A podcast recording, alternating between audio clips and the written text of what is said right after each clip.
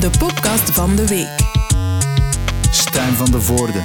Welkom bij de podcast van de week, waar we praten over de muziekactualiteit, die soms gevormd wordt door mensen die, die nog maar net boven water komen, maar gelukkig ook mensen die hun sporen verdiend hebben, want dat zijn, zo, zo moet je dat ook officieel zeggen.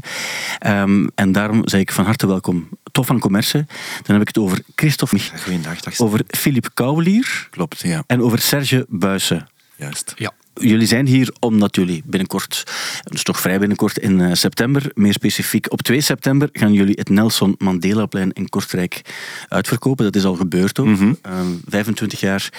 Eh, en in Isegem gaan jullie vieren, daar wil ik het dadelijk eh, enorm over hebben. Maar het is ook een podcast dus waar hier en daar weekactualiteit aan bod komt. En daarom is er, is er één item dat er misschien nog net overruled, en dat is de dood van Tina Turner. Zij is overleden deze week. En ehm, toen ik het hoorde, dacht ik van, eh, wauw, er zijn maar een aantal mensen uit die league, als die sterven, waarbij het gevoel hebt dat iedereen er wel iets mee heeft op een of andere manier. Is dat bij jullie ook het geval? Ja, Serge had daar een mening over. Dat is juist in de auto. Ongetwijfeld. Ah, wel? Nee, Nee. Je hebt, niet, je hebt niets met Tina Turner? ik heb daar absoluut niks mee. Nee? Tot het punt zelfs, en met alle respect voor het feit dat ze overleden is, maar Mhm. eh, ook ik, op een bepaalde leeftijd ja, is ze uit de mm, hitparade verdwenen. zeggen, Dat ik blij was, Mhm. Ah, naar de radio luisterde, dat ik geen Tina Turner mee moest. Ja, zeker na Ik zei het, best. Het feit dat ze dood is, is, is super jammer en voor haar familie en dit en Mhm. dat. Maar heel eerlijk, nee, ik heb daar absoluut niks mee. Je hebt er niets mee. Ehm, het- ik, snap ik, dat, dat is ook eh, fair ook. Het enige wat ik soms heb bij de, de jaren 80 periode van Tina Turner, heb ik ook niet zo heel veel. Maar die Ike en Tina periode, zo jaren Ja. 60, jaren 70, als je dat hoort en die drive die daarin zat. En Ja. ik snap wel waarom, ik begreep vroeger niet waarom ze de queen of rock and roll was, maar nu begrijp ik dat wel eh, helemaal. Als, als je zo bepaalde dingen hoort, eh, hebben jullie er meer mee, Flip of, of Ja, ik wel eens. hè. Amai, eh, die kan rocken dat niet normaal was. Echt Ja. waar. Dat, eh, ik vind ook als je die oude beelden ziet en al, dat je echt wel verstaat waarom dat hij zoveel succes had. Want dat ging vooruit. En, maar ja, dat is eigenlijk wel meer Ike Turner zijn verdienste, vind ik. Mhm. Zij was ook wel fantastisch, maar ze heeft eigenlijk maar ooit een half nummer geschreven in heel haar leven. Eh Nutbush City Limits, omdat ze effectief van Nutbush eh, was. Maar toch, ik vind het wel een figuur, ja. Ja, Ik vind, het is Rita Franklin niet, maar het scheelt niet veel. ja. Flip? Het is de Natalia van Amerika eigenlijk. en ik bedoel dat als een compliment, hè. Ja. Voor Natalia of voor Tina? Maar het is, ik, wat ik ben zelf ooit, ooit in Nutbush geweest. En, en Ah, ja, ja. toen heb ik het, dus het schooltje en zo gezien was opgericht. Dat was een straat en dan één katoenplantage. Waar ze dus eigenlijk zou moeten gaan werken later. Ah ja. En dan zag je de totale armoede van het gebied. Je hebt dan inderdaad een Ike Turner die haar op een podium heeft gezet. Daar goed heeft omringd. Geduwd, geduwd. Gedu- wel, aanvankelijk Geslaan eigenlijk, alleen. Aanvankelijk was het blijkbaar nog, nog vrij oké. Ja. En dan, eh, daarna heeft hij, ze, heeft hij ze wel ja, effectief afgeslagen en, Ja. en, en een beetje kapot gemaakt ook. Maar eh, eh, het was wel, ik, ik snap, qua nummers schrijven was het niet noodzakelijk te...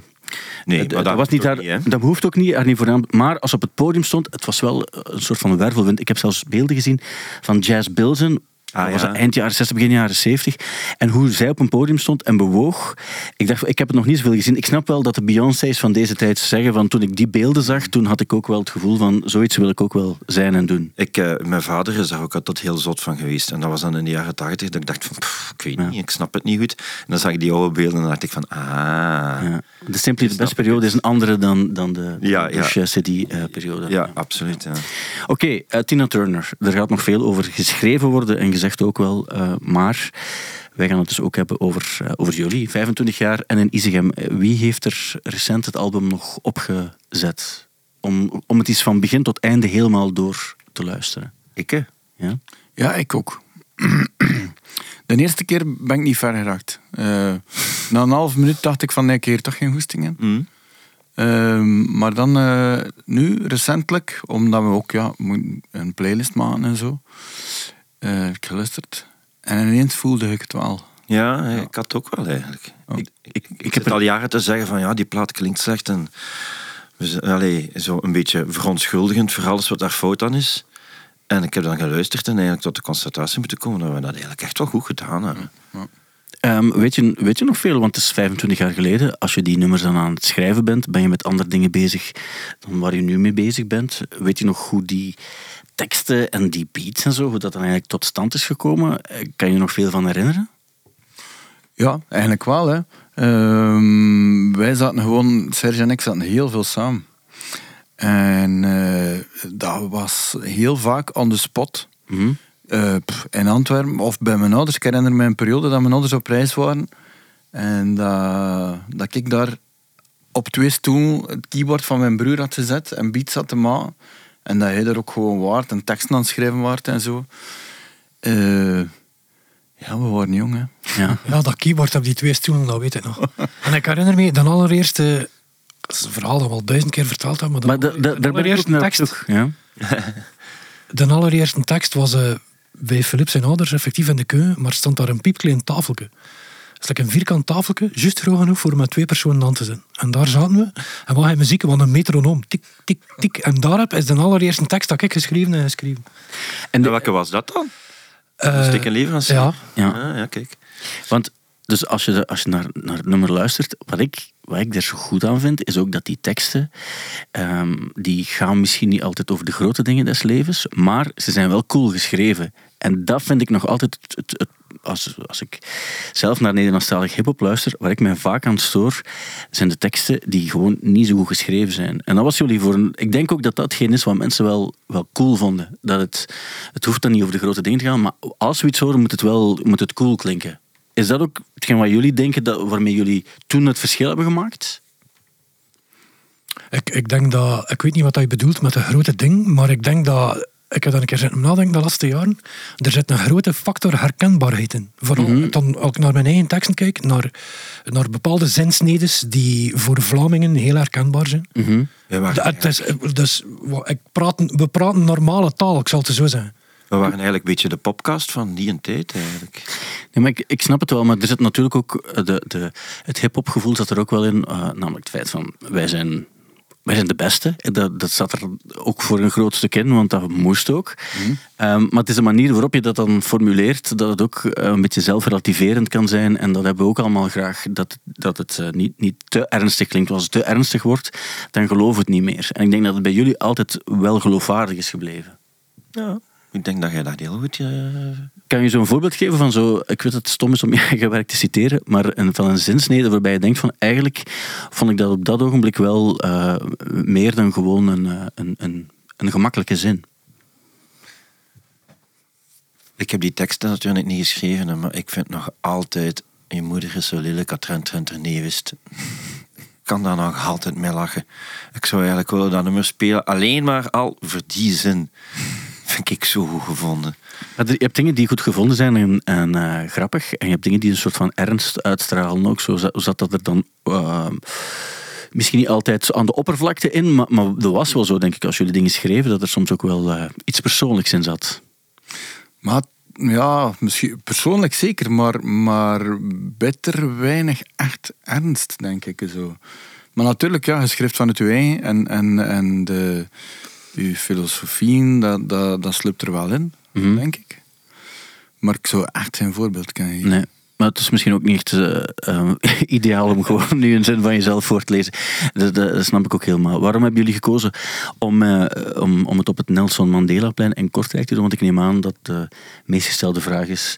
En waarom niet in Izegem zelf aan eh, de Sint-Tilo-kerk bijvoorbeeld?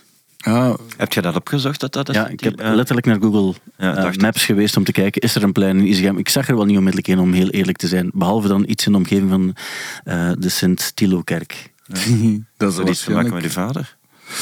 Dat is waarschijnlijk zelfs de parking van de kliniek dat je het over Dat, dat was de ruimte. Top van commerce op de parking van de kliniek. Maar dat was een, een ruimte Ja. in een vierkantige vorm. eh. Nee, maar, maar waarom, waarom Kortrijk? Is West-Vlaanderen uiteraard. En de- daar heb je ruimte. Is dat ook eh, hetgeen wat vooral meespeelde? Ja. Ja, en praktisch naar organisatie toe ook. Ehm en Isegem wist mij effectief niet waar dat we het gingen moeten doen.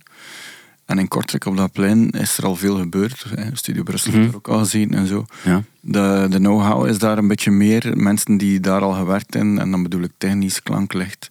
Eh, enfin, er is wel ervaring daar dat we elders echt van nul gingen moeten beginnen. in Mhm. Isegem. Ja. Het is ook, ik vind dat een aangenamer locatie dan bijvoorbeeld de Grote Markt in Isegem. Ja. Ja. Het is, het is zo afgelegen en zo wat besloten en je ziet dat dat dient voor dat soort dingen. Ja. Van, terwijl er zo weer... eh, En in plaats van een podium neer te poten op, op een zo de willekeurige Vlaamse markt, wat dat overal hetzelfde is. Maar ja, ook natuurlijk, allee, en in Ezegem heet die plaat, dus dat was nogal logisch om dat in Ezegem te doen. Maar ik vind ook, als je dan dat onderzoekt en je merkt dat dat gewoon niet zo'n goed idee is, dat je daar dan ook niet eh, geforceerd aan moet vasthouden dat dat absoluut daar moet zijn. Nee, nee. Ik vroeg het mij maar af, ben je ooit in ICM geweest eigenlijk, Christophe? Eh, ja, eh, vroeger ooit een keer voor, ehm, voor Man bij het Hond met Martijn Heijlen eh, zijn we aan het Blauw gaan staan en zijn we gaan, gaan rappen op het kruispunt eigenlijk. Ik was al aan het beatboxen en dan eh, waren zij aan het rappen en dan, Ja. ja, en dan was er ineens file in Isegem. En niet omdat dat van commerce daar stond, maar wel omdat er een paar onnozelaars heel het kruispunt zaten vast te zetten. Ja. Eh, kan je nog even het verhaal ook vertellen? Ik weet dat jullie het verhaal ook al vaak zullen verteld hebben. Maar jullie hebben dus twee... eh, jullie beiden hebben de, de, de pure West-Vlaamse roots. Jij bent er dan als Limburger eh, bijgekomen. Hoe, hoe zat dat alweer? Hoe hebben jullie elkaar ontdekt en wanneer was dat ongeveer? Eh, 44 en ik zaten samen in de klas. Het jaar ervoor in, eh, Ja. in Sint-Lucas. Zo. een paar jaar ervoor. Hè? Of het jaar... Ja. Ah ja, ja, juist. Want En dan hadden zij in de groep The Prophets of Finance. Ja. Eh, Maar dan spreken we over begin jaren 90, zo 93, 94. Hè? als wij samen in de klas zaten, was 91, 92, Ah, ja. denk ik. Maar, en, en The Profits of Finance was ook die periode ongeveer. Ik denk, het begon in 92, denk ik. Ja, ja, Ja, oké. vlak daarachter. En, en dan ehm, eh, was er een andere groep van die de Job Joy Shaggies. En ehm, die, die wouden eh, hun eh, carrière een nieuw leven inblazen. En, en dachten van, we gaan daar zo'n een, een hippe DJ bij halen. Die dan woetje, woetje, woetje komt in. En ik heb dat dan ook gedaan. En dat was plezant. Maar eh, de Profits of Finance wa- waren dan jaloers. op de Shaggies. En wij zegt van, nou, maar die, ja, die heeft schone dreadlocks ook. We gaan die daarbij vragen. En dan voor één optreden. En ik weet nog, na dat optreden, de dag daarna hadden jullie ook een, een optreden. En dan was het van, heb jij morgen iets te doen? Oh ja, nee, eigenlijk niet. En dan ben ik beginnen meespelen met de Profits. En voilà, allee, de rest kunt je wel Ja, en de rest is geschiedenis, moet je dan eigenlijk. Ja, ja, geschiedenis, ja. Maar eh The Profits of Finance was ook hip-hop. Wel, ehm, ja, maar zo meer de, Nee, nee. ja, de, de, de crossover varianten zo. Ah, ja, zo de, de, eh, de Urban Urban, Dance Squad, Squad. eh, Rage Against the Machine, al die dingen. Ja. Zo, dat zijn Ja. Beastie Boys. Allee, ja, En dan na een tijdje was dat zo meer Mr. Bungle-achtig en al, dat weet ik ook nog. ja, dat weet ik. De Goats. dat wordt het, ah, ja, ja, het typical American en zo. Ja, ja. Dus ehm, wel, wel op zich vroeg, wel vroeg al. Hè, toch? Om, om- het is niet zo dat er in, in Vlaanderen al heel veel hip-hop bestond, denk ik. Eh, op dat ogenblik. Ik kan me toch niet, te veel, niet, te veel, eh, niet te veel herinneren. En dan, ehm, eh, op een bepaald ogenblik ga je dan ook echt dingen officieel gaan opnemen. En dan moet je daarvoor betalen ook. En moet je dat zelf voorschieten, ook, neem ik aan. Als je een demo gaat opnemen. Of je moet iets in een studio opnemen. En dan weet je niet altijd wat, wat daarmee gaat gebeuren. Wat waren jullie verwachtingen toen jullie dachten, oké, maar nu gaan we het dan toch eens voor echt doen? En er ook zelfs al het een paar duizend frank in, in investeren. Maar ja, we hebben er eigenlijk niks in geïnvesteerd. Hè. Op- Nee? Nee, we hadden zelf... Ik, ik had een, een Fortrek geleend van Jan Leijers. En daar een paar dingen op, op opgenomen. Hij zegt dat ik die nooit teruggegeven heb. Ik zeg dat ik die wel teruggegeven heb. Ja, jij speelde bij, bij hoe heet het, My Velva? Filma. Velma, ja. Bij Vulva. ja. En, eh, want, dus jij, jij, want jij zat dus op, op een soort van jazzacademie of zo? Jazzstudio, Jazzstudio. En jij eh, als bassist. Ja, klopt. En, en je bent zo bij, in de band van Jan Leijers Ja. eh, terechtgekomen. Ja. En dan ehm maakte je eigenlijk helemaal andere muziek als de muziek waar je dan in je vrije tijd mee bezig was. Klopt dat? Of was het eigenlijk niet zoveel anders? Uh, jawel, dat was helemaal anders. Maar ja, eh, ja ik heb altijd gewoon muziek wel maken. En, en ik heb zelfs nog eh, auditie gedaan voor Pop in Wonderland. Dus zo graag wou ik het doen. Bij Meredith. Ja, en eh, hoe noemt die ander nou weer? Ik weet het ook niet meer. Ru Rupert. Ru Rudolf. Rud, ja, Ik weet wel. Rudolf. Rudolf. Ik heb Rudolf Hekken van... eh, een demo opgepakt van u. En dan was uw artiestnaam Antoine Dupré. Ja. Echt? Weet ik ook nog. Ja, Ja, zeker. bij hem thuis. Hè. Ik weet ook dat ik voor uw auditie bij Pop in Wonderland, ik was mee. Voor een of andere idee, ik ben mee geweest. Want misschien nog even voor de mensen die niet goed weten hoe, hoe de mensen van Pop in Wonderland eruit zagen. Die waren nogal, ja, funky ga ik niet gebruiken, maar die waren nogal, wat was het, die hadden zo'n hele lange gewaden. Dat was, Vermomd in hippie is hij. ja, verkleed, Ja, verkleed in hippie eigenlijk. ja. Ja. Ja. Eh, was je, daar, je was daar klaar voor, je had het ervoor over om, om daar met een soort van eh, paarse broek met... Ik had daar eigenlijk nog niet over nagedacht. Maar ik moet wel zeggen, terwijl dat ik deed... En ervoor hebben we eigenlijk zodanig hard de slappe lach gehad. Dat, ja, dat, die niet gast niet aan van, "Hmm, dat zal dan toch maar niks meer. Ik weet dat we, juist voordat we, want Mario was ook mee, juist voordat we daar waren, heb ik aan het kruispunt uit de auto gestapt, terwijl dat ik de chauffeur was. Omdat we zo hard aan het lachen waren. Ja, ja. Ik me niet herinneren, nog net. Ja.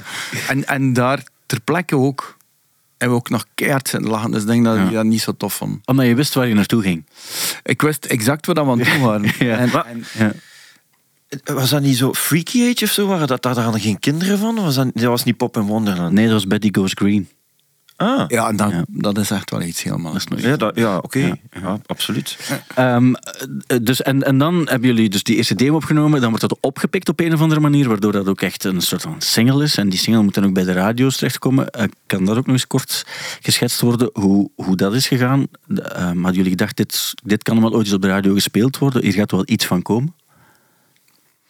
Nee. Nee. Nee, hè? Nee, ja, nee. nee. Nee. Maar het is ook, eh, dat ging erop. Dus ehm we hebben dus die demo gemaakt met zes nummers, ik weet het niet meer. En dan is Joost van den Broek, de drummer, Mhm. kende al redelijk wat volk. En ik weet niet of dat hij hem dan al in de laatste show... In ieder geval, hij heeft dus meegepakt op een tour hier in Brussel van allemaal majors die allemaal niet geïnteresseerd waren. En dan hadden we Luc Wageman van Kinky Star, die, ik weet niet meer hoe dat met in contact en mij gewoon gemaild naar ons van ja, ik heb dat ontvangen, ik ben geïnteresseerd. En hij mij onmiddellijk gezegd, ik ken iemand op Studio Brussel, ik ga dat eraan. Maar het heet al promo, hè? Die heeft nog promo gedaan voor Deus en zo. Dus die Ja, was hier sowieso al allee, kind aan huis of ik weet niet wat. Ja, in ieder geval, die effectief gezegd, ik ga daar naartoe. Die is gekomen naar hier. Die heeft gebeld, hallo, om zeven uur om, op vrijdag gaan ze dat spelen. En effectief. Maar We zaten eh, in kot voor de radio om ik zeven weet uur. ook nog, dat was, Kinky Star was eigenlijk het leven opgericht door de Sex Machines, hè, met Danny Moms. En eh, die hadden dan een single uit On Stage, dat was een eerste release. En dat werd hier ook goed onthaald en werd hier goed gespeeld. En dan de volgende release was Vive la Fête, ook van Danny Moms. Eh Je ne veux pas was dat toen. En dat werd hier ook al goed gespeeld. Dus die deur stond eigenlijk al wel een beetje open door Kinky Star ook. Eh, daar herinner ik me wel nog. Maar ik weet wel, zij hadden dat niet door, maar zo de mensen er rond, zeker rond dat nummer Domestiek en Leverancier, hadden wel zoiets van, dat is echt wel, echt wel te gek. Want eh je hebt daar ook een LP-versie van op en in. En dat ging eigenlijk alleen zomaar uitkomen. En Luc en ik hebben dan gezaagd aan u twee om te zeggen van ja, maar we gaan die demo-versie opnieuw oppakken. En gewoon dat niet. En daarmee is dat alleen als mystery track op de plaat gekomen en dat was dan alleen voor de radio. Daarmee dat dat de radioversie heet. Omdat dat dan zo, ja, ik weet niet, voor de een of andere reden vonden, vonden jullie dat niet meer tof. Dan hebben we dat bij mij thuis opnieuw op cassette opgepakt. Ja, ik heb daar dan vervolgens, eh, wat was het, 4000 frank voor gekregen of zo. Ah, ja. Dat je nog moet teruggeven. Ah. Ik ben nog aan het sparen eigenlijk. Ja. En nooit gedeeld, als ik het... eh, als Nee, nee, nee, nee, daar doen wij niet aan mee. Nee, maar dan, dan, eh, dan heb je plots ook die eerste eh, single op de radio tot daar aan toe, want die is gespeeld worden op een vrijdagavond om 7 uur. Daarmee ga je niet onmiddellijk het grote publiek bereiken. Plots komt die dan wel in een soort van A-rotatie terecht en wordt die heel veel gespeeld. En dan weet je ook, nu kunnen we ook gaan, gaan, gaan optreden. Kunnen jullie zich nog het allereerste concert herinneren? In die periode ook neem ik aan, waarbij het voelt van wacht, wij komen en er komen echt mensen specifiek voor ons. En ik denk zelf dat ik iemand heb gezien die bepaalde teksten aan het meelippen was. Misschien die keer daar eh, aan, onder het gebroken oren daar? Ja, Pani en Amores. Ja, ja, ja Een inderdaad. cafeetje in Gent. Een keldercafé. Ja. Ik kon hun er niet zien. Ze hadden een podium gemaakt en ik stond... De, en dat was aan de andere kant van waar dat een toog was. En ik stond achter een toog met materiaal. ik kon hun echt niet zien, want dat, dat podium, ja, dat was allemaal gewoon... Dat was geen verhoog. Daar stonden heel veel mensen tussen, dus ik moest gewoon luisteren. Beetje zoals Tyler, the Creator ook zijn eh, concerten deed. Gewoon tussen de mensen en zien wat er ja, gebeurt. ja, ah, daar heeft Brehang dat van. Nee, en, Nee, dat- en toen had je wel het gevoel van, die, er komen mensen specifiek voor ons en die weten ook wat we hier gaan doen en waar we, wat we, waar we voor staan. Er, er is een korte periode geweest, dus hadden x aantal optredens geboekt, ik weet niet meer hoeveel, vijf of zo, ik weet het niet, voordat we op de radio kwamen. Dat is op de radio gekomen en dat is ontploft. En ik herinner me twee optredens in Gent, waar dat de opkomst... Allee, ja, een café Ja. van 100 man, maar er stond wel 350 man op straat nog. Ja. En dat was die keer in de Pani en en ook eh, in de Tough Tough Club, wat Ah, nu niet meer bestaat, op Sint-Quentensberg. En misschien waren er nog van die optredens waar, waar dat er eigenlijk veel te veel volk was volgens de capaciteit. En dat jullie veel te weinig gevraagd hadden ook. In de 4AD Ja. in Dixmuiden was dat ook, stond meer volk op straat door eruit te kijken dan dat er binnen kon. Maar daar zijn we blijven gaan. Dat was dus voor de eerste drie LP's, like hoe stam, eh, hoe Ja, ja, ah, stampodium. ja, en dat is nog altijd wel een beetje thuis. Hè. Maar, maar ik weet ook, in het begin was het dan wel redelijk dubbel. Want ze kwamen eigenlijk gewoon om domestic en leverancier te horen. Ja. Dus je speelt dan een uur en de mensen waren gewoon aan, wachten- aan het wachten van wanneer is het van zijn een keer laat is het? Eh, dat was eigenlijk wel, allee, dat was eigenlijk wel zo rekken en soms, soms bijna uitkijken van, allee, eh, zijn we het dan niet beginnen in het begin te spelen? Zo van, ja, dan, dan hebben ze het gehad. Dat herinner ik mij zo niet. Ik ook niet. Nee. Dus we zeggen eigenlijk dat je een. Een lied. Leuvenaar, maar Leuven is niet in Limburg, hè, Flip? Hoe hebben jullie dat dan, eh, dan eh, ervaren? Zo die eerste, eh, die eerste, de, de, de eerste grote momenten van, eh, van Tof? Voor mij was het, het ding dat ik nooit ga vergeten, eh, het eerste optreden op Pukkelpop. Ja. Op de skate stage. Mhm. En hoe groot dat, dat ineens geworden was, dat was voor mij een, een Ja. mijlpaal. Ja. Dat was zot. Ja, en, en dat is... ehm, als ik eh, als kind naar, eh, naar Torot ging, Mhm.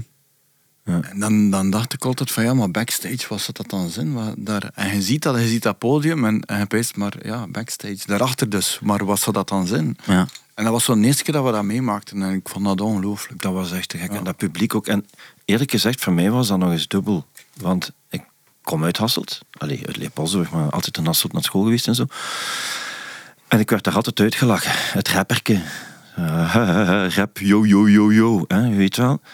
En dan, al die jaren later, stak je daar ineens op Pukkelpop in Hasselt. En konden, de, de mensen konden er niet bij. Ik weet dat ik zo langs het podium keek en, en daar stond nog heel veel volk dat gewoon niks kon zien. En toen had ik wel zoiets van, nee ze.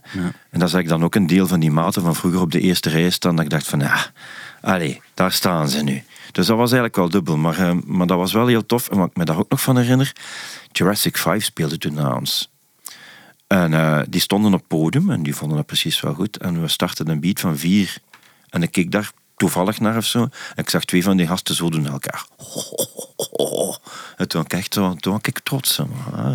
Ja, dat snap ik. Jullie hebben het allemaal ook gedaan. Eh, eh, Werchter bijvoorbeeld ook, op de mainstage van Werchter staan. Dat is dan eh, soms iets, dat is niet als headliner, maar, maar wel op een moment dat er heel veel mensen eh, voor jullie staan. Ehm, mogen jullie daaraan spelen zo? Is, dat, is, dat dan, is er één waarbij je zegt, van, dit was het beste dat we ooit hebben gedaan? Los van wat nog moet komen in september. Hoe bedoelt je, die zomer? Eén concert waarbij je het gevoel had van, wat we nu meegemaakt hebben, gaan we nooit vergeten. Het zal wel. In de vooruit, eh, 2018, het eerste van de twee optredens in de vooruit. Dat was een soort van reunie gegeven, zo werd het zo aangekondigd. Jubileumtournee. Jubileum, ja.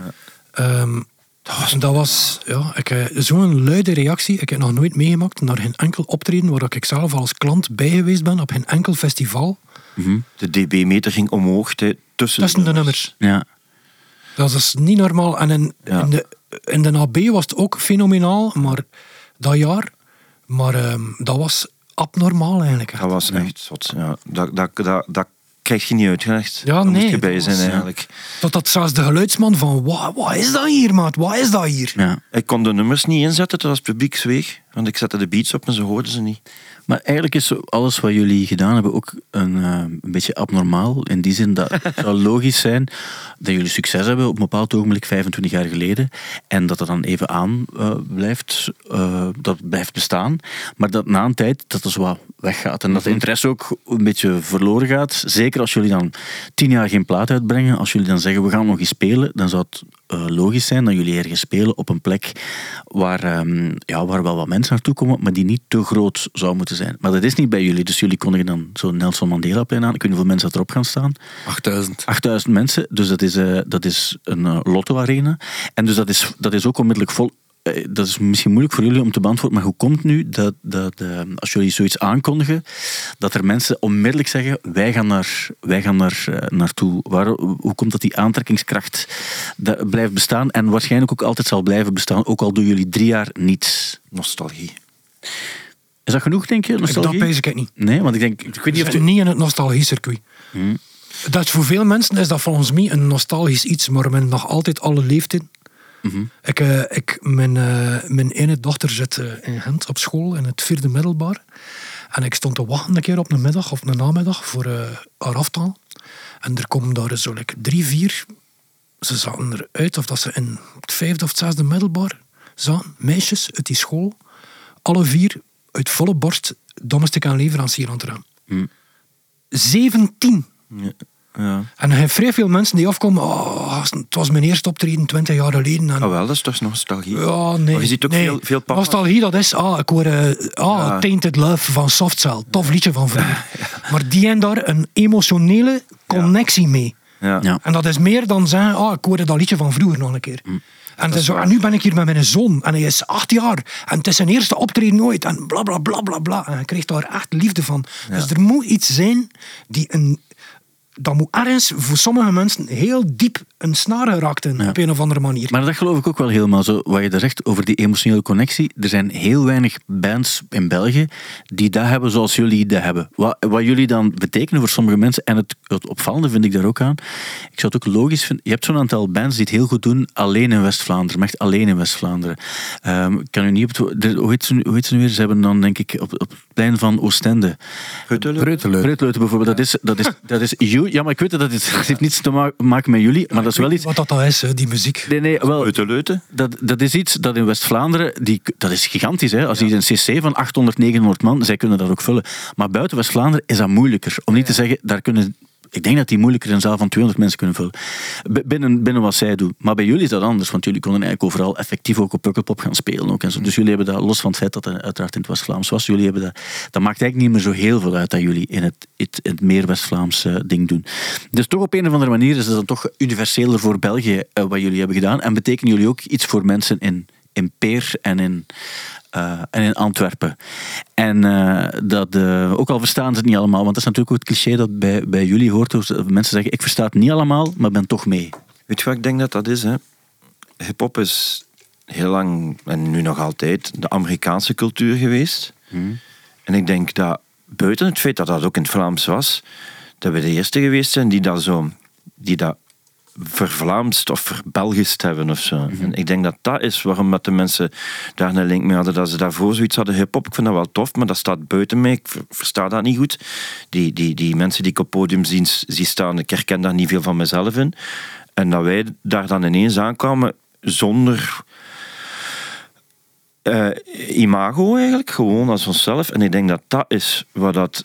Kijk, ik, ja, ik weet wel, de, de vergelijking tussen ons en de Beastie Boys is al heel dikwijls gelegd. En soms is dat ook wel zo van, ja, daar zijn ze weer. Maar daar is die vergelijking, gaat die, daar wel heel veel in op. Want die hebben ook zo'n een, een, following van tot en met. Omdat je gewoon het gevoel hebt van... Dat zijn gasten gelijk ik die daar staan. Ja, het feit dat jullie ook een rockpubliek mee hadden en zo, eh, helpt dan Ja, natuurlijk ja. wel. Ehm, het, het, is, eh, het is ook wel zo, als je die plaat nog eens opnieuw beluistert, zo'n, die zonder niet bijvoorbeeld, dan hoor je ook wel, dat is echt zo de oldschool hip-hop klank die er ook in zit. Hè. Zo'n, zelfs zo'n, zo de, de- als je dan vergelijkt, eens Beastie Boys, maar zo'n, zelfs een, een Wu-Tang, puur qua beat zit daar ook heel hard in. Hè. Dus die, die, de helden van jullie, die hoor ik daar ook in terug. Wat logisch is, denk ik, als je een eerste plaat maakt, dat er altijd een soort van referentie in zit naar hetgeen wat je zelf, eh, wat je zelf goed vond. Wie zijn zo voor jullie de voornaamste muzikale referenties? Als je die plaat opnieuw hoort, waarbij je denkt van, ah, dit hadden we misschien wat van daar en dit een beetje van daar. En... Ehm, wel, ja, de meeste beats eh, heb ik eigenlijk gemaakt toen. En eh, dat was veel Wu-Tang, maar daar zat ook bijvoorbeeld de Far Side in. Ja, Eh, de Far Side. ja, en... ehm, Beastie Boys eigenlijk op dat moment niet zo muzikaal. Nee. Ehm, maar, ehm Maar misschien zo niet I Am. Ja. Ah ja. Frankrijk, dat, Ah, ja, was, dat, ja. waren, me echt zot van op dat moment. Die productie, dat, was, dat vond ik ongelooflijk, hoe dat, dat klonk. En ik pijze zelfs dat ik de drums van I Am gesampled heb daarvoor. Ja. Zo de Ah, ja. afzonderlijke hits. Ja. Ja. Zonder, zonder eh, dat je dat dan moet aangeven. Nee, als, als, dat, dat, is- ja, zo'n kickdrum. klank. Een kickdrum, dat is... Ja, kan van overal komen. Ik weet eigenlijk, je moet er daar iets voor betalen. Anders, sorry, gasten. Van mij. Boah, nee, niet echt. Hè. Maar, maar, eh, Kickdrum. maar ze hebben hem misschien ook gesampled. Hè. Dus ja, Ja, ja. Wat je dan, Ja. gooit dat dan op? Maar ik denk ook, als je zegt Wu-Tang, op dat moment was ook alles van hip-hop geïn- geïnspireerd door Wu-Tang. Dus als je dan geïnspireerd wordt door, andere bands die ook geïnspireerd zijn door Wu-Tang, ja, dat, dat was wel niet allemaal rechtstreeks dat alleen. Maar ik denk ook zo... Ik, ik weet niet, ik denk niet dat, je, dat, dat jij veel bijvoorbeeld naar Gangstar of zo geluisterd hebt, maar in die tijd kwam er wel heel veel uit dat DJ Premier geproduceerd had. En wat een die deed, zit daar ook wel in. Maar je kunt dan niet zeggen, we zijn beïnvloed door Gangstar, maar meer door de sound van het moment of zo, Ja. denk ik. Ja. Maar je moet nu ook, je moet nu ook wel zeggen dat we alle drie naar veel meer luisterden dan hip-hop. Ja. Dat kan eender was zijn. Want hoort, bij hip-hop kunnen ze eruit halen. hè. Die hip-hoppers die enkel beïnvloed zijn door andere hip-hoppers en die maken altijd fantasieloze muziek. Ja. En ik denk dat, omdat we weer van een brede achtergrond komt, dat we iets meer fantasie aan, wat dat, dat betreft. En dat het ook iets toegankelijker gemaakt heeft. Ja. Ja. Want we zijn nooit, we hebben één, nooit in het hip-hop milieu gezien als band, maar we hebben ook nooit proberen van zo super hardcore met super serieuze beats en dat, we, we, zijn, we zijn altijd deze commerciële kant had ook. Ja. Maar eh, Serge, bij jou is, je hebt zelf ook nog eens een hippoplaat gemaakt, een, een, een soloplaat. Ehm, heb je ook nog iets anders gemaakt? Want bij Flip weten we dat je de, jouw eh, ja, singer-songwriter, de- waarbij je soms ook de reggae kant op ging, of soms meer de pure rock en zo. Je hebt ook de Ultrasonic, de Lips They Move en zo gemaakt. Heb- Wat is eigenlijk jouw muzikale achtergrond nog? Want bij jou weet ik het, weet ik het ook eigenlijk helemaal niet. Ik heb nooit niets anders gedaan, muzikaal gedaan, dan de Profits of Finance en Tof van Commerce. Ja. En ik ben het laatste, wat zou ik zeggen, half jaar, tien maanden terug bezig met solowerk, maar het is ook hip-hop. Ja. Maar ik, vooral zwarte muziek eigenlijk. Is het Ah, ja, mij. ja, dat, ja. ik, dat is het enige waar dat ik blijf terugkeren. Soul, Behalve die- soul en reggae en funk en... eh, Behalve Tina Turner dan. ja, maar er zijn nog dingen. Diana Ross ook niet, bijvoorbeeld. Nee, nee, nee. Oké. Eh, en wat, wat ik ook nog aan dacht onlangs, ik zag onlangs jouw stripverhaal dat je ooit gemaakt hebt. Ja. Dat is ook, dus je kan waarschijnlijk tekenen. Ja. Eh, en ehm, eh, is er ooit, ik, ik, weet, ik weet dat je maar één stripverhaal gemaakt of heb je er meerdere gemaakt? Nee, nee. Want het is wel spectaculair goed eh, ge- ge- gedaan. En, en op een of andere manier weten weinig mensen dat. Dus ik dacht, kan je nog kopen of, of is dat nog, nog ik verkrijgbaar? zal er wel nog enkele lijnen hebben. Ik heb ooit een keer een, een halve doos overschot gekregen van... eh, Ah, ja. Maar ik denk dat je een keer... Ik denk dat het uitverkocht... Ik, ik meen dat... Nee, want ik heb er nog liggen. Ah, je hebt er nog gelegen. Ah, ja, toch? Ja, en met deze geef je voor 20 weg. Je moet nu gewoon een mail sturen. podcast.super.be. Ah, weet, ik dat ik er zeker nog twintig lijnen heb. Wel, misschien moeten ze jou dan wel contacteren. Misschien zonde om het zomaar weg te geven. Maar dus, je hebt, je hebt ook, dus jullie heb- hebben allemaal daarnaast jullie eigen dingen kunnen doen. Mhm. Ehm, en dan, dan eh, komen jullie af en toe terug samen. Wie is dan degene eh, die zegt van oké, laat ons nu dit nog eens doen? Eh, is dat dan een soort van WhatsApp-groep die in actie schiet? Of, of iemand die het voorstelt om het nog eens te doen? Hoe, hoe werkt het dan? De koning, hè. De koning zelf? Ja. Dit concreet gewoon. ding kwam van, eh, kwam van Werner, hè, pijs ik. ja, jullie boeker. Boeker, ja. Van nu dat optreden Ja. te doen. Ja. Ah, wel, ja, eh, eh, ja, maar ook niet, niet rechtstreeks. In die zin dat Werner zodanig veel vraag kreeg om over ta- overal te gaan Ja, ja. spelen. Dat hij zei van, ja, maar zeg, die vraag is er echt nog wel. En, maar dat waren dan, we zijn niet echt aan het toeren. Flip is ook solo aan het toeren. Dus je kunt dat niet allemaal tegelijk doen. Eh, maar ja, het was een beetje meer, ja, de vraag is er. Dan zullen we het maar aanbieden ook zeker. Ja, oké. Het is gewoon puur om Werner te ontlasten. ja. En dat siert jullie natuurlijk. eh. Maar ja, het is wel, allee, ontlasten. de hoesting is er echt Ja. wel. Hè. En ik pijs dat 2018, eh, waar dat we dat, die 20-jarige jubilee gedaan hebben, het voor mij toch zeker heel veel veranderd in mijn hoofd eh, Ja. naar, naar wat dat Hof van Commerce betekent dit voor mij. En eh, ja, een grotere appreciatie van, van de, echt wel de liefde dat je krijgt van het publiek. Ja. Dat is, dat is echt sterk. Hè. Dat, dat heeft wel iets gedaan met mij. En ik wijs dat de hoesting nu groter is dan, dan, dan kan maar iets zijn, pakt in 2016 of zo, whatever. eh, om terug dingen te doen. Want ja, ik weet het niet, die, die waardering is, is groter bij mij. Mag ik een keer emo doen? Mag dat, Stijn? Ja, ja. Emo doen? Ik, ik ging eigenlijk zelf ook iets emo zeggen terwijl ik. Ja, nee, doet jij dan nog? Nee, nee, nee, ik vind het belangrijk. Het gaat, om, het gaat niet om Ja. mij, maar ik wilde iets, iets daar, daarbij aansluiten. Het, het, is ook, het is ook de, de, wat dat wij met ons drieën, de band die we met ons drieën hebben, die we denk ik echt wel meer en meer kunnen appreciëren. Want gelijk met die, die reunie, je staat op het podium. Dat is eigenlijk lang geleden en je merkt gewoon echt zo van, dat werkt hier nog altijd. Van het moment dat we op het podium komen, zijn we niet meer Flip, Serge en Christophe, maar zijn we toch van commerce. En, en, en dat is iets geworden en, en dat is superleuk om daar deel van uit te maken en om zo te kunnen zeggen van ja, wauw, ik ga nog een keer die tof van commerciecabine binnenstappen, waar hij dan zo gelijk, in de Soundmix show de deur een deur met, met licht en rook. En ineens komt je daardoor en hij zit toch van commerce en hij wandelt op dat podium en dat is te gek. En, en ja, Misschien kan dit jullie opener zijn ook als jullie eh, op het Nelson Mandelaplein stappen. zou Henny Huisman bereid zijn? Ah nee, die is dood. Dat jullie gewoon binnenstappen en eh, met de gewone kledij en buiten komen ook met de gewone kledij, maar toch als stof van commerce. Het kan interessant zijn. Ik, ik, ehm, ik, nee, wat ik aan dacht toen je het zei was, ehm, eh, het was de, de grote Liam Gallagher die op een bepaald ogenblik zei, maar vroeger bij Oasis, we, deden, we vonden dat normaal eigenlijk, we vonden dat normaal.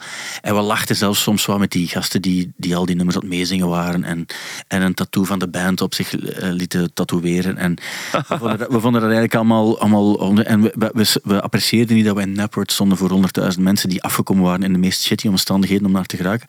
Maar nu, zoveel, zoveel jaar later, beseffen hoe onwaarschijnlijk dat, dat was en hoe schoon het is dat, dat mensen echt zoiets doen voor iemand eh, waar ze naar opkijken en waarbij ze echt het gevoel hebben dat die muziek, en dan kan je zeggen dat is cliché of dat is emo, maar dat je weet van sommige nummers hebben effectief het leven van iemand veel schoner en beter gemaakt. Ja. Dat is toch een onwaarschijnlijk gegeven als je, dat, als je weet, we hebben dat gedaan en dan mag dat zijn door je te amuseren en zo, dat doet er niet toe, maar je hebt dat wel echt gedaan. En dat kan je niet beseffen als je 22 bent of zo, maar wel als je wat ouder bent. Is het, is het ook zoiets? Ja. Oké, Ja, volgend, volgend onderwerp. Eh, Nee, nee, maar dat, ja, je hebt het gewoon perfect gezegd. Dat is- wel, Ik heb het gewoon andere mensen horen zeggen, eh, die, waarbij ik dacht van, ik geloof het ook wel dat je, dat, je dat, soms, dat je soms wat tijd nodig hebt om dat te laten bezinken, om het dan nog meer te appreciëren. Zo, zo die papa's die met hun zonen afkomen. Als Ja. je dan zo op het podium staat. En ja, je ziet, dat is echt een moment. Hè. Dat is echt eh, een van de toppunten van hun leven. En die, die jonge mannetjes zitten dan naar papa te kijken van... Trots dat ze het ook van buiten kennen. En die vaders trots naar hun zonen aan het kijken. En, en dan zit je zelf papa. En dan denk je van, wauw. Ja, eh, daar word je heel nederig van. ja. Ja. Dat is gewoon. Ehm, heeft er ooit iemand een, een, eh, een tof van commercie gelinkte tattoo eh, gezien? Je hebt er misschien ooit in zelf in moeten zetten. Ja, ja. Ja, echt waar? Al meerdere zelfs. En wat, wat is zo de... Ja, welke, welke types eh, zijn er dan? Ik bedoel, dan zijn dat gaat het altijd over een tekstfragment, gaat het over een titel, gaat het over een afbeelding? Momenteel ben ik bezig aan een halve sleeve. Allee, ja, dat is maar één keer in de zoveel tijd. Het is een gast die niet zoveel tijd heeft. En ehm, die een aaprobot van op Zo en Niet Anders Ja. staat erop. De kerk van Isegem staat erop.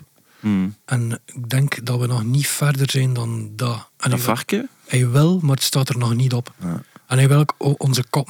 En ik heb ooit een keer die kop, die kop van eh Stuntman, zo Ah, die, ja, ja. die anatomische doorsnede, dat heb ik ook al getatoeëerd. Maar dit, dat zijn dingen die jij zelf gemaakt hebt ook. eh, Ja. toch, hè? Dus de, de. De, zoals de meeste hoezen, denk ik. Oh ja, ja, ja, nee. Als het getekend is, is het, komt het effectief van mijn hand. Ja. En eh, als mensen dus komen vragen, want dus de, je spreekt ook over jullie koppen. Is dat ook de eerste keer dan? Of, hebben jullie dat nog wel, of heb je dat nog wel gedaan? Zo echt de, de, dat je zegt van de koppen. Ja, maar ik moet ik moet dat nog doen. Ik heb Ja. dat tot nu toe nog nooit in Nee. eh, zelfportret getatoeëerd.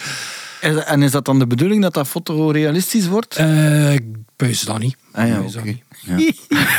Ik weet het eigenlijk niet, maar Nee. zover zijn we nog niet. Nee. Ja, van die Ford, die pakt daar maar een foto van vroeger van. Met zijn dreads dan hopen. Ja, dat is juist, want het passeerde zomaar, maar eigenlijk kan zoiets niet zomaar passeren. Het feit dat je dus met dreadlocks... Dat spreken we begin jaren, dat kan natuurlijk Ja. wel passeren, hè, maar... Ja, dat, nee, dat Ja. mag. Dat mag. Nee, nee, goede tijd. Ja, dat was ten, ten tijde van de Prophets of Finance, nietwaar? Ja, ja, absoluut. Eh, ja, kan, ja. Ook, kan ook moeilijk. Dreadman, Rastafari. Ehm, ik, ik ga snel nog een beetje andere muziekactueel van Zeg, deze week. Ja, ja, dat is nee, vertel eerst maar wat je nog... Ja, ja, ik wou dat eigenlijk daar juist nog vernoemen als ze over het eerste jaar optreden, maar dat was toen nog niet. Maar ik herinnerde mij ineens, weet je dat wij ooit samen een interview gedaan hebben op het groot podium van Werchter, terwijl dat wij aan het optreden waren? Ehm, ik, ik kan me nog een paar dingen herinneren wel. Ik weet dat, de, dat er op een bepaald ogenblik... eh ehm, dat is een ander verhaal. Ik, kan me zoiets herinneren dat, dat we de... Ja, jullie deden dan tekenen en, en, en ik denk dat jij dacht van kom, we gaan dat doen. Die gaan daar wel mee kunnen lachen, maar dat gaat natuurlijk niet echt lukken. Maar vermits dat, terwijl dat zij aan het rappen zijn, niet zoveel moet doen, dacht ik van oké, I'm game. En hebben wij dat effectief live op, de, op Studio Brussel een interview gedaan, terwijl we aan het spelen waren. Het, het zou kunnen. Het, het zou zeker cool. kunnen. Eh, Ik weet niet of ik dat ooit geweten heb. Ja, Fantastisch idee. ja, ja, dat was in ieder geval met u, dat weet ik nog zeker. eh. Maar Ik, ik weet wel nog dat jullie ze openden op, op Werchter was het en dat er al heel, eh, misschien niet open, misschien was het ook tweede en stond echt al heel veel volk en het was heel warm. En ik weet dat er ervoor een of andere Cresip. band... Was het die- Ja, want die moesten nog naar ergens anders. Ja. En ik dacht van, wauw, we zijn, dat is toch goed dat we tenminste na Cresip staan. Maar we stonden daar gewoon na, omdat die nog naar ergens anders moesten. Ik weet ook nog, eh, wat ik toen heel cool vond, is dat jullie toen ehm, eh, ook rustig koffie aan het drinken waren, ook op het podium. Terwijl Normaal zou je nog kunnen doen alsof je appelsap in een, in een whiskyfles schiet of zo, maar het was heel fair eh, koffie. En, en dat is ook een van die dingen die mensen appreciëren aan jullie, dat er eh, niet vals gespeeld wordt op dat gebied ook. Eh, maar ja, de festivals, ja, dat zijn toch altijd, eh, ik kan me toch voorstellen, zo'n plekken. Hoewel het niet altijd uitmaakt voor hoeveel mensen het is, maar dat je, zoals je zegt, de vooruit, dat is niet de grootste zaal waar jullie gespeeld hebben, maar als die mensen volledig gemotiveerd zijn, dan krijg je wel het beste effect terug. En dan kan dat soms nog meer over- overwhelming zijn. Er is ehm, aan die werchters en zo, dat is natuurlijk fenomenaal voor dat te doen. Want staat dat dan letterlijk, wat, 40, 50.000 man of zo? Ik weet niet. Ja. O- Of staat, maar er is, iets, er is altijd iets afstandelijk daarom. Nou ja, dat is, dat is, mensen vergeten dat soms wel eens, maar Die staan de, ver, ze. ja, de ruimte tussen, als je als artiest op een podium staat, Ja. als, als publiek denk je dan van, ah ja, want we zien die wat verder staan, want zij staan op het podium. Maar dat valt mij al- altijd heel hard op, hoe, groot, hoe enorm die gap is tussen, tussen het podium en dan... Die staan echt hinderver daar beneden. Ja. Dus het maakt echt een groot verschil. En daar is iets afstandelijk aan, Ja. vind ik. Ja. Die- Waar ik nu wel vreemd naar uitkijk, is ehm, dus wat we dan wel aan in de zaal, ehm, dat de mensen echt voor ons komen. In open lucht hebben we dat nog nooit gedaan. Hè. ja. En het feit dat je nu eh, op een paar uur achter tickets verkoopt Ja. voor een eigen show, Ja. ja, we hebben dat nog nooit gedaan. Ook niet indoor natuurlijk, maar allee, ja. Dus dat, daar gaat er zo'n beetje dat festivalgevoel in, maar wel met mensen die echt gewoon voor ons komen. Kom, zijn, staan er dan nog, ehm, nog acts of bands of zo voor jullie? Maar ja, we zijn daar wel voor aan het kijken, maar daar is nog niet zoveel duidelijkheid over wat dat precies gaat worden. Want dat, is wel, dat vind ik op zich wel tof als je er is een zaterdag. Eh, Ja, ik denk is het, ja. Eh, Ik, ik ben zelf ook al zo'n, naar zo'n grote concerten geweest waarbij het eigenlijk om, om één band gaat. En normaal voorprogramma's vind ik niet altijd zo aangenaam, omdat je dan weet van ja. Eh, op een weekdag is het dan lastig, want je hebt van ah, en dat is niet altijd even goed en zo. Maar wat ik wel heel cool vind, als je echt voor zoiets gaat, en het is, het is dan op zaterdag bijvoorbeeld, en eigenlijk begint het al om drie uur en dat dat zo opgebouwd wordt. Dat mensen, mensen komen wel en, Ja, ja. en die blijven er zo wat hangen ook. En, en dan, dan is die opbouw naar hetgeen wat je dan eigenlijk vooral wil zien, dan vind ik nog wel. Ik weet niet wat dat, dat kost, godverdomme. Wie iedereen weet- hier op de radio. Ik weet zeker, ik weet zeker dat er heel veel mensen zoiets aan een vriendenprijs willen doen. Ja, oké. maar oké. Ehm, maar ehm, nee, het, ik ging het nog over een aantal andere dingen hebben. Over, want de, de Had je het podcast. nu eigenlijk over Hair Baby? Ik had het niet over Hair Baby, maar eh, nu dat je het zegt. ja, nu, dat je, nu dat je het zegt. Ja, nu dat ik het zeg. Nu dat je het zegt. Ja. Dus, ja, nee, het zou kunnen. Maar eh, nee, om snel nog met je weekactueel erbij te halen, want er gebeurt ook een podcast met muziek. Elton John speelt dit weekend. Je hebt ook het Core Festival. Ehm, als je moet één van beiden moet kiezen, voor wat zouden jullie gaan? Core. Elton John. Elton John. Want ik weet niet wat dat ander wat dat is. Ja, het Core Festival is zo'n eh, een, eh, een, een hipster gebeuren, maar denk ik meer... Wie zit, Elton John. Be- be- Best kept secret, maar dan in België. Ja, ja, op zich, ik, ik ben er zelf nog nooit geweest door omstandigheden, want ik ga nu zelf Dat is ook nog maar één keer geweest. naar Elton John. Wel, en, en vorig jaar eh, ben ik er niet geraakt, want ik moest bij mijn dochter zijn, die moest ex- eh, studeren voor de examens. Ah, ja, ja. Ehm, maar dus eh, Angèle en zo speelt daar dan. En, en, en, Ik heb daar vorig jaar Action Bronson gezien. Ja. Dat was cool. Ja. Ehm, En, en het is er vormelijk allemaal wel spectaculair. Ja, ah, wel, Mensen van maar- Tomorrowland en, en Live Nation die samenwerken. ik vond dat wel ik vond dat tof en heel gezellig. En daar stonden een heel pak goede bands. Maar ik moet nu ook wel zeggen, ik ben echt geen fan van Elton John. Oh. Van niets van Elton John. Nee. Niet, niet alleen Nikita mensen- en zo, hè, maar zo de Goodbye Yellow Brick Road-achtige dingen ook. Nou, of ik vind dat nummer met Kiki D nog tof. Ah, ja, oh ja.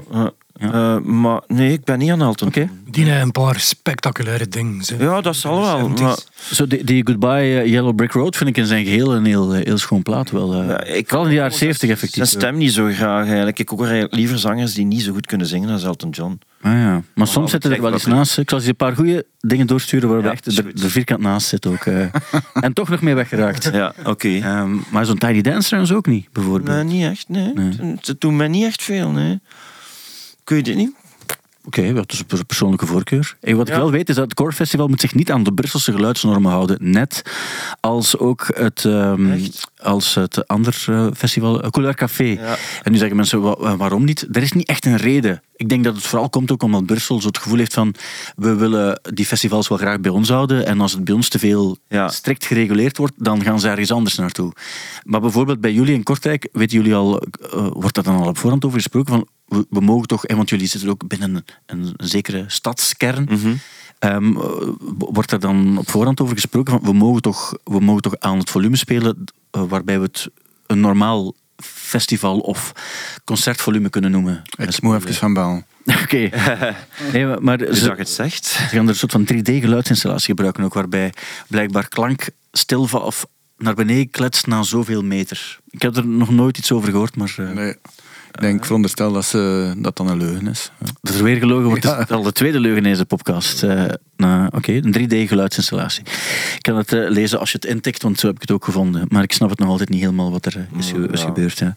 Eh, dan heb je John Freeze, is de nieuwe drummer van, eh, van de Foo Fighters. Speelde Ah, ja. ervoor bij Guns N' Roses, bij Devo, bij Nine Inch Nails en een aantal andere eh, bands.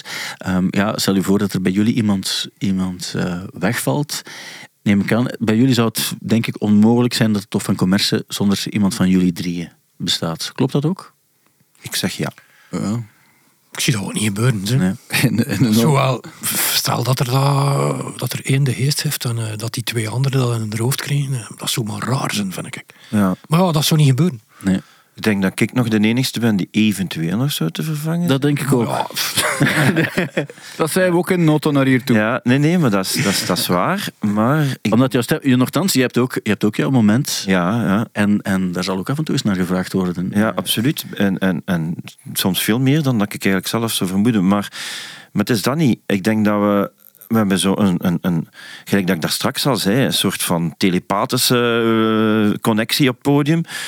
En, en ik denk, als je eender wat verandert of daaruit haalt, of ik weet niet wat, dat, we hebben ook zo bijvoorbeeld een keer in de zomer met een liveband gespeeld. En dat was allemaal wel goed en wel, maar eigenlijk de- deden we dan ook drie nummers onder ons. En dat waren alleen maar die drie nummers dat we echt zo het gevoel hadden van, nu zijn we tof. Ik weet niet. Ik denk, dat, ik denk niet dat hetzelfde zou zijn in elk geval. Nou, ik, ik weet het niet, maar ergens weet ik toch zeker eh, dat ze jullie ook al gevraagd hebben voor liefde voor muziek. is dat? Ehm, tof, weet het niet.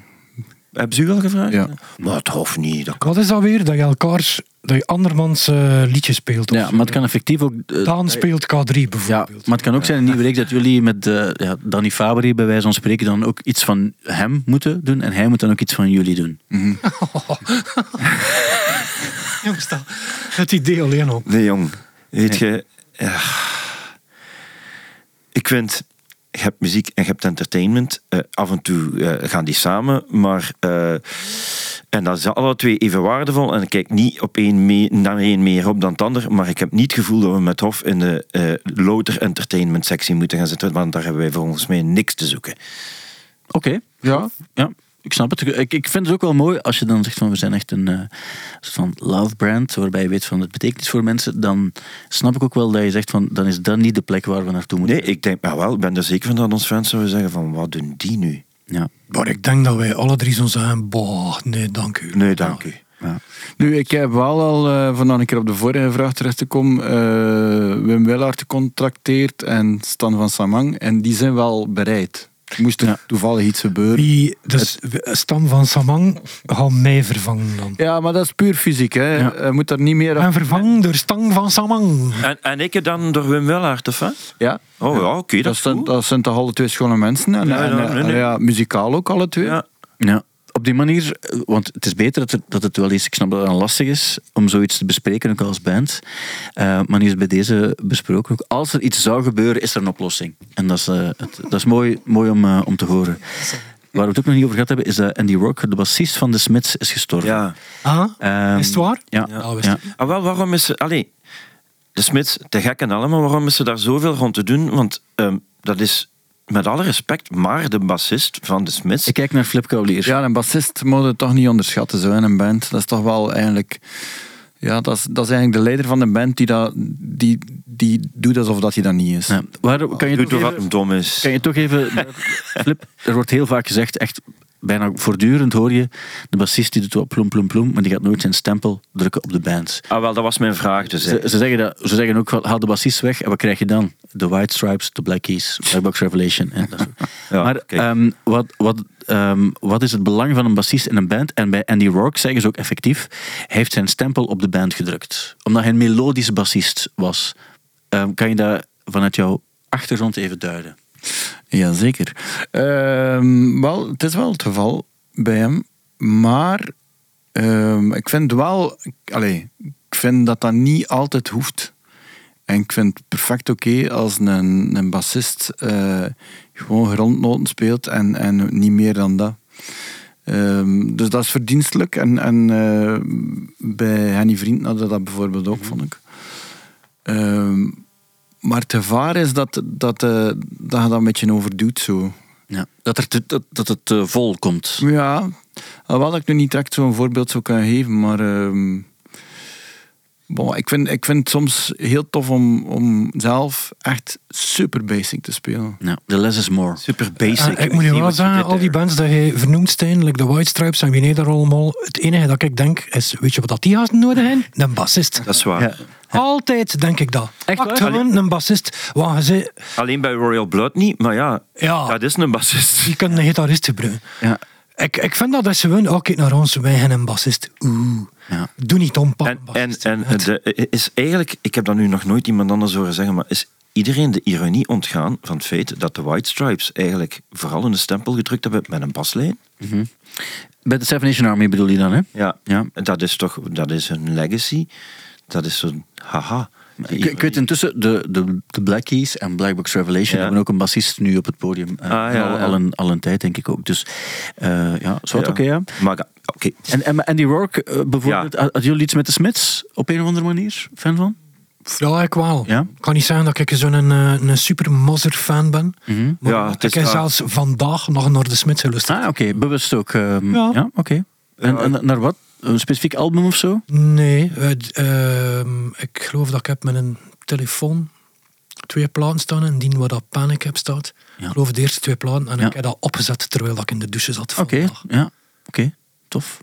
En maar je wist niet dat hij gestorven was? Nee, Ah, wist voilà. het. Maar wanneer is dat? Is dat vandaag of gisteren? Het was, het was vorige week eigenlijk, Nee, maar vorige week was er geen, geen podcast, eh, vandaar dat het... eh, Oké, ja, voilà. En hij heeft, hij heeft trouwens ook nog andere dingen gedaan. Hij heeft ook nog gespeeld bij een aantal andere mensen, bij Badly Drawn Boy bijvoorbeeld. Hij is ook degene die Nothing Compares to You van Sinead O'Connor heeft hij gitaar en bas gespeeld Ah, ja. ook. En, en met een aantal andere bands en artiesten heeft hij ook nog eh, samengewerkt. Misschien dus eigenlijk, als ik het zo moet eh, analyseren, ken ik de Smiths eigenlijk niet goed genoeg om te beseffen dat, hoe belangrijk dat hij daarin was. Want als het nu bijvoorbeeld Paul Simon zou zijn van de Clash of zo, zou ik wel begrijpen hoe belangrijk dat de sound van de Clash wel niet bepaald is door hem. Dus misschien hem, eh, ken ik de Smiths gewoon niet genoeg om... Ja, hij heeft wel een specifieke sound. Hè. En die, eh, wat dat Ja? hij doet, maakt echt verschil in de band. Ja. Maar ik, ik weet er niet of dan een andere bassist dan niet zo ik weet het ook. kunnen misschien, maar ja, Ja. Of dat hij die richting in... Maar hij doet wel specifieke Allee, dingen. Zo. Het is ook zeker, om even duidelijk te maken, het is zeker niet dat ik bassisten onderschat. Het is gewoon een muzikant, want ik denk, moest ik zelf echt een echt instrument gespeeld hebben, zou het waarschijnlijk wel bas geweest zijn. Dus eh, hey, ik, ik hou van bas en ik hou niet van muziek waar er niet genoeg bas in zit. Stel, stel dat Flea zegt, ik stop ermee gasten. Ja, Dan zijn die gasten wel gejost. Hè. Eh, ja dat zal wel. Dat, is, dat gaat natuurlijk om één Wow, specifieke... Axel Peleman is er nog, hè, jongens. Ah, Dat is ja, ook ja, wel ja, waar. ja, ja. Wordt wel eens vergeten dan. Ja. Eh, Ik kan misschien een wissel. Flea kan dan in de kreuners komen spelen. ten tijde van Ashbury Fate eh, dan stond hij ook al als een vlie op een podium. Ja, Eh, ook, ook bloot. bloot Ah, ja, ja. maar Andy Rourke heeft Ze ook zijn de heeft ook nog een band gehad en die heette Free Bass trouwens. En dan, daarbij Ah, ja. zaten de drie grote Manchester grootheden in een, Ja. een Manny van de Stone Roses. Je had toen, ehm, wie had, je- had je nog, je had nog een bassist. Ah, Peter Hook van, eh, van Joy Division, Ah, ja, van ja. New Order. En hij samen in een band en, en ze hadden dan Free Bass. Weet je wat dat is? Flea die heeft eigenlijk al veel projecten gehad, waar ik van dacht van, hmm, dat klinkt interessant. En ik heb nog geen, naar geen een van die projecten geluisterd. Die heeft ook zo een keer iets gedaan met Danger Mouse en zo. Ja, die heeft die Atoms for Peace heeft hij gedaan, Ah, met Tom. York en zo. Ja, ja. En dan ja, heeft, heeft, heeft ook mensen van bepaalde Afrikaanse eh, singer-songwriters waar hij dan ook Ja. meegewerkt heeft. Hij heeft dan veel. Hij heeft, hij heeft ook die, die, de grote plaat van Alanis Morissette heeft hij ook in ge- Ja, dat weet ik. Ja. Ironic en zo, dat soort. eens ook in Mars Volta. Heeft Flea bij Mars Volta gespeeld? Trompet onder andere. Maar Ah, hij was zo, bij ja, de eerste platen van Mars Volta was hij altijd betrokken in een of andere capaciteit. Ik pijs dat hij ook een soort van... Ik weet het niet, ik weet niet van mentorcapaciteit of zoiets. Ah, ja, ja. Maar hij was er wel degelijk in betrokken. Oké. Maar hij is een trompetist Ja, uiteindelijk. wel, ik heb zijn boek, zijn eh, Asset for the Children, Ah, ja. gelezen. En daar, daar vertelt hij ook dat hij van zijn vader, denk ik... eh, want het is een ra- raar verhaal eh, geweest ook met zijn... zijn Nee, ja, ik, ik heb het ook. Ik moet Ja? het nog lezen. Ah, Want ja. het was, ja, eh, eh, eh, mijn vrouw had dat mee. En eh, het was ofwel Dave Grohl ofwel Flea. En ik heb dan eerst Dave Grohl gelezen. Ja, ja. En Flea staat nu op het programma voor de volgende vakantie. Oké, maar het is een beetje spacey zo hoe het begint. Want hij heeft, ik geloof dat hij het zelf geschreven heeft, dat het zo geen ghostwriter is. Ja, Dus je moet wel door wat de zweverigheid doorlezen, maar het is wel een interessant verhaal. Ja, ja. Van Australië en, en heb het gehoord. Dus. Ehm, Oké, ehm, ik heb nog... ik moest trouwens ook nog eh, daarmee ook eh, eh, Here Comes the Sun lezen toen daarmee dat ik dat niet... Ah ja, oké, oké. ja, ja. Ik dacht even dat je de Slijm. groeten ging doen. Dan. Ja, de groeten doen van bla bla bla. Aan Axel Peleman? Wat, ik op zich, eh, wat op zich kan, alles, in, alles kan in de podcast. eh. Maar eh, ja, daarmee hebben we de essentie. Ik had ook nog, Julian Hetfield ook nog bas gespeeld heeft bij de Lemonheads. Die heeft ook, gaat nu weer een nieuw coversalbum uitbrengen. Eh, ze gaat nu, ik had het er niet bij geschreven, ze heeft de police zo gedaan. Ik weet dat ze, nu ben ik vergeten wie, wie ze eigenlijk nu gaat doen. Maar alleszins, dat was mijn vraag nog. Stel je voor, je moet ooit van één artiest een volledige plaat coveren, wat niemand van jullie wil doen. Maar je moet er toch één kiezen. Ehm, zoals zij het doet, wat op zich wel interessant. Ze heeft ook met Olivia Newton-John gedaan. En ze maakt er dan haar versies van. En eigenlijk nog wel best, best cool. Ehm, is er zo één artiest die je dan zou... Als het dan toch zou moeten, die je dan het liefst zou aanpakken in een volledig album? Geen een hip-hop artiest zeker. Hè? Eh, moet me een gezamenlijk antwoord geven? Nee. Eh, maar omdat ik heb sowieso geen idee. Want, want, want gezamenlijk zou het antwoord eh, zijn, of zou het antwoord moeten zijn voor vandaag Tina Turner. Ja. Ehm, omwille van de situatie. Maar ehm, als jullie niet onmiddellijk iemand in jullie hoofd hebben, snap ik dat ook. Ik, Ja, zou, ik ik zou het ook niet meer. Ja, wie- wie- wie? Ja, ik, ik zou direct denken aan Wiltura of Willem Vermanderen of zo. Oké. Ja. Ja, ja, ik, ik juich dat toe. Ja, ik, ik zou zeker luisteren. Ultrasonic die Ja. Willem Vermanderen doet. En Daar, daar, ja. Me Ja. niet bewegen. Ja. Ah, bewegen de lip niet. Heb, de, heb, heb je daar... ehm, want vooral duidelijk, dus Ultrasonic was een internationale hit ook, hè? Nee, Nee? Nee. Ah, ik dacht dat net wel. nee, nee. Ja, eh, wel, er zijn er veel die daar denken in. Dan denken dan ook waarschijnlijk, die zal wel rijk zijn. Inderdaad, ja. Ja, nee, nee, dat is alleen in België een hit geweest. Ah, want oké. Zowel in België wa- was er ook niemand geïnteresseerd. Want ik heb dat toen miljard keer te horen gekregen. Ja, maar dat is geen R&B en dat is geen house. Dat zit er eens tussenin. En ja, ja, als je niet in een kastje zit, hè, Stijn, dan... En dat was in het buitenland juist hetzelfde. En dat ging dan niet marcheren. En, en, en niemand was geïnteresseerd. En, Ja. en het is er gewoon niet van gekomen. Oké, maar verder, verder toch geen kritiek. eh, Ik dacht op wel, de carrière. Ultrasonic. Ja, ik dacht ook. Ja, eh, Dat gaat toch rond, zo wordt, het verteld. zo wordt het verteld. En ervaring, dat is ook heel belangrijk. Maar wat vooral van belang is dat en in Isegem 25 jaar oud is. Dat wordt gevierd op 2 september. En als je nog geen tickets hebt, kan je daar niet bij zijn. Of er nog een, ooit ergens een ander optreden komt van Tof van Commerce, daar kunnen we nu nog geen uitspraken over doen. Maar terwijl ik het zeg, kijk ik Of naar dat er jullie. ooit nog eens een optreden. Er komt tuurlijk ooit nog eens een optreden. Dit is niet het, het finale optreden van Tof van Commerce. Voilà, dat wil ik jou eigenlijk horen zeggen. Ehm, niet dat we er We zijn niet bezig over, eh over, over in jullie. Kortrijk, hè, maar in, over het algemeen. Absoluut, ja. Nee, nee, maar, dit, maar ik, is niet onze... de manier waarop ik het zei was vooral om, om te vissen, waarbij jullie zouden zeggen van ja, maar wacht, er komt dan binnenkort wel nog één. Ja, ik Snap je? Dat was eigenlijk de... Maar dat weten we nu niet wanneer, maar Nee. bedoel, het feit dat daarachter voor altijd... Nee, nee, het is geen afscheid. Hè. Nee, natuurlijk niet. Maar er was ook niemand aan het denken. Ik moest mij even hè. herpakken. Eigenlijk. Ik werd even gewoon lichtjes misselijk bij de gedachte dat dat laatste optreden van het Hof zou zijn en dat we niet meer zouden optreden. Daarmee Nee. was ik even van mijn stoel geblazen. Maar Puur aan het vissen. Dan Je weet dat Stad Kortrijk iets ondernomen heeft achter rug, waardoor Ja. je dan eh, niet meer kunt hebben. Waardoor dat Wim Willaert en eh Stan van Samang met Flip Collier. ja. en bovendien, het is nu, het is, jullie spelen op een zaterdag. Wat ik altijd zeg, na de zaterdag komt een zondag en zijn de mensen ook thuis. Dat is alles wat ik zeg. Dat is alles wat ik zeg. En eh, het album en in Isegem, misschien kan het ook nog eens opnieuw op vinyl verschijnen. Dat zou wel eens heel goed kunnen eigenlijk. Ehm, Ja, als dat ideaal zijn, moest dat zo ergens zo'n beetje voor dat concert. ja, inderdaad. inderdaad. Ah, wel, weet je wat dat er goed zou zijn? Dat moesten we dan nu toevallig vorige week binnengebracht hebben bij de pers Rijnmond te laten persen. Eh, in, in zijn compleet, in de, op dezelfde manier dan dat dat eerst was.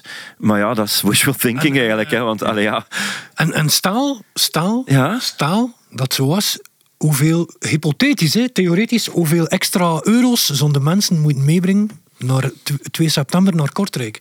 Ik, eh, ik schat daar eens iets van rond de 35 euro. 35? Ah ja, oké. Dus ja, oh, ja. Allee, dit is allemaal een, maar een hypothese. Ja. hè. En, en, eh, en dat is in de voor... zakje, hè? En dat is in de veronderstelling dat ze die vinyl willen en geen t-shirt, neem ik aan. Want dan kom je er natuurlijk niet met 35 euro. Ah, wel, nee, ja. ehm, Denk er, we- heeft wel gezegd dat we niet in de souvenirbusiness zitten.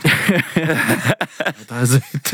ik vind dat we dat moeten doen. Wauw. Also, allemaal manneke, manneke pis. Dat wil enkel maar zeggen dat er geen t-shirt gaat komen van hoera, ik was erbij op 2 september. En nogthans, mensen hebben dat graag zoiets. Hè? Zo, als je zou weten van, als je zoiets zou maken dat, dat mooi vormgegeven is en je niet zeggen van hoera, ik was erbij. Maar als je weet van, dit is een t-shirt die je alleen dan... Ik vind... Ik vind eh, zwart, het, is, het is jullie, jullie eh, band en concepten, maar ik zou dan nog snappen waarom mensen het wel kopen van die dag. Ik ben ook de baas niet hè, in een band, dus het is niet omdat ik dat zeg. Wie, wie, Maar toch wel wie beetje vind je moreel dat kompas. wel de basis Maar eigenlijk? ik, ik- nee, maar dat vind ik wel, want ik heb het ooit gezien. Werner de Wachter, hè. Ah, ja. Ja, de, de originator in het Boekerman. zeker. Maar eh, ik, nee, ik vind het wel zo. Ik vind als je naar een concert gaat en je weet van, amai, dat is... Ze, ze doen dat nu ook veel vaker, dat je zo'n affiche uh, kunt. Bijvoorbeeld een Arctic Monkeys maken. Of laten, eh, altijd door een lokale artiest, die ze dan zelf goedkeuren, een affiche maken per concert. En dan kan je dat kopen als je dat wil. En dan hebben mensen zoiets van, ja, dat was toen specifiek van, van dit concert. En ik snap dat principe wel. Als je iets, heel goed vond, dan denk je van, ah, de mensen nemen dan graag iets mee naar huis en die hangen er dan op. En ik snap dat wel, waarom... En, en eh, Ik vind dat goed. nu kunnen we er ook in de hoek een klein pasfotootje van u, Steen van de Voorde, opzetten. Met een tekstballonsje, waar dat erin staat, goedgekeurd of Nee, met, ik- met de toestemming of de, de goedkeuring van Steen van de Ik keur sowieso alles van Tof van Commercie goed. Dus uiteraard hebben jullie mijn goedkeuring niet nodig. Maar ik zou het wel supporten, mentaal, als jullie zouden zeggen, weet je wat we gaan doen? We gaan één schoon affiche laten tekenen door iemand. En dan, en dan snap ik ook, want bij Pavement bijvoorbeeld had je daar ook, dan had je de, en dat vond ik wel verkeerd, je had dan de gesigneerde affiches en de niet gesigneerde affiches. En waar je dan meer moest voor betalen. Dat was niet oké. Maar als je weet van een mooi affiche specifiek van één ding, gesigneerd, dat is ook, laat er honderd maken. Maar dat is eigenlijk een goed Dat idee. Dat vind ik, Want- meen ik echt, van, zou ik een goed idee vinden. Ja, maar dat is ook een, dat is ook een goed idee. Allee, ik denk natuurlijk weer direct aan mijn portemonnee. Want met Live Zijn Move heb ik eigenlijk echt niet zoveel geld verdiend. En, en, en ehm, ik denk dan vooral aan het feit dat wij heel veel affiches hebben laten drukken voor dat optreden. En die affiches zijn dan opgehangen. En tegen dat die ophingen was dat uitverkocht. Dus we zitten, waarschijnlijk zitten wij daar nog met duizenden affiches over. Maar ik vind wel, je moet het doen zoals die andere bands het doen. Vind, vind ik dan, hè? Dat, je, dat je het specifiek moet. En dat is een, een, een mooi affiche, die is mooi, mooi getekend. En dat is een, met een knipoog naar het specifieke concert. Maar het is wel meer ook dan, dan gewoon het- zo'n een, een affiche waarbij jullie opstaan. En, En hoeveel kunnen daar dan voor vragen, Stijn? Wel, wat, wat, bij Arctic Monkeys was het iets van een 30, 35. Nu, als je het, als je het, als je het voor een affiche... Ja, maar let op. Ja, maar dat komt soms niet. Maar er is een groot verschil tussen een affiche en een artwork. Ah, Ja, ja. Een formulering Een artprint, Een artprint, een artprint.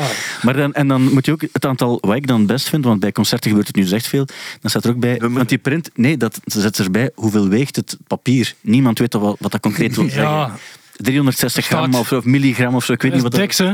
Papier van 360. amai, ja, dat is karton. Dat is, ja, dat is, Dat is op, hè. Geweldig. Maar als, het, als je het dan doet, dan heb je wel ook... En dan meen ik ook wel echt... Ik snap wel waarom, de, als je weet, dat is een, een schoon affiche. En die is ook nog eens subtiel gesigneerd door jullie.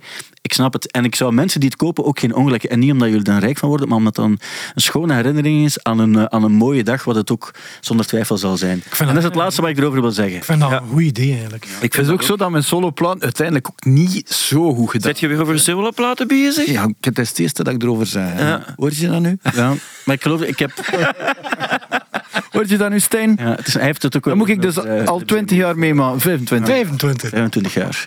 Maar 25 mooie jaar. En uh, als je erbij bent, en dat was mijn punt vooral, op 2 september, dan gaat het de moeite zijn op het Nelson Mandelaplein in Kortrijk. Ik wens jullie heel veel plezier in Kortrijk. eh, ik ga ook komen kijken.